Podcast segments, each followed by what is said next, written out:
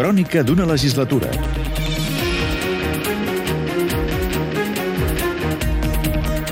Aliances polítiques.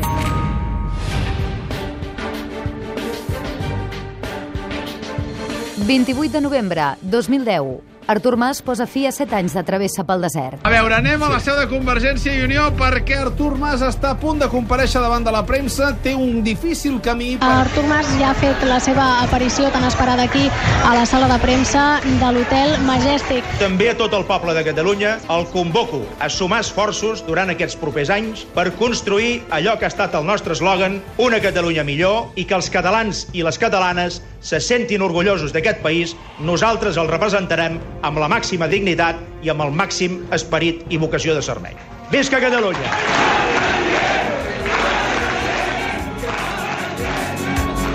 El dret a decidir d'un poble és l'exercici de la democràcia en estat pur. A quin demòcrata li fa por això?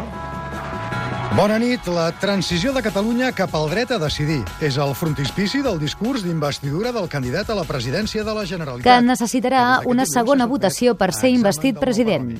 62 vots a favor, 45 en contra. Li ho permet l'abstenció del PSC. El molt honorable president de la Generalitat, senyor Artur Mas, es vol adreçar a la cambra?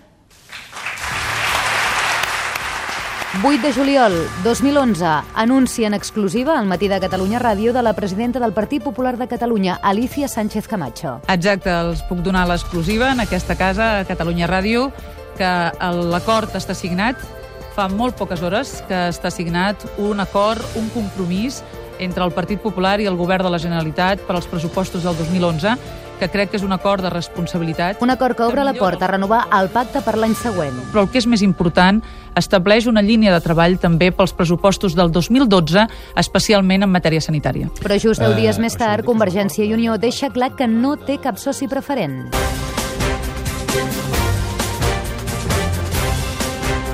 Dos dies abans d'aprovar els pressupostos amb el Partit Popular, Convergència i Unió es fa la foto amb el PSC per les lleis òmnibus que dijous es debatran al Parlament. Per treure a ferro justament aquesta fotografia, el socialista Joaquim Nadal ha recordat avui que el PP ja va publicitar àmpliament l'acord pressupostari. Tothom tria les formes que vol, no? Però el grau de exposició al públic dels altres acords que feia referència al senyor Pujol és ben manifest, fins i tot no haguem tingut una roda de premsa conjunta, no? 14 de febrer 2012, més geometria variable. Convergència i Unió i el PP han tancat un acord que permetrà aprovar demà els pressupostos de la Generalitat pel 2012, tot i que els esculls que quedaven pendents era sobre el cànon de l'aigua. La, la llei d'acompanyament dels pressupostos no es votarà demà al Parlament perquè Iniciativa per Catalunya Verds, Ciutadans i Solidaritat han sumat forces per portar-la al Consell Consell de Garanties Estatutàries. Ara aquest òrgan haurà d'avaluar-ne la seva constitucionalitat.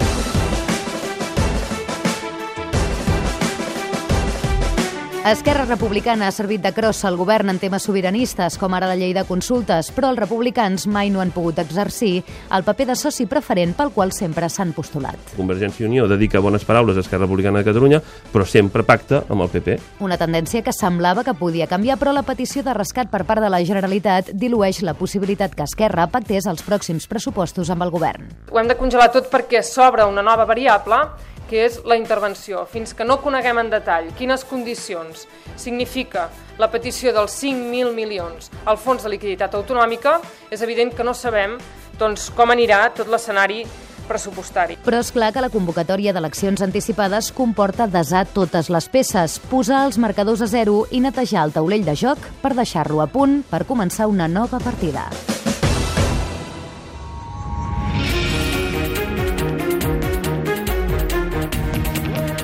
Crònica d'una legislatura. Un reportatge d'Estel Batet amb muntatge musical de Dani Expósito i Manel Bernat.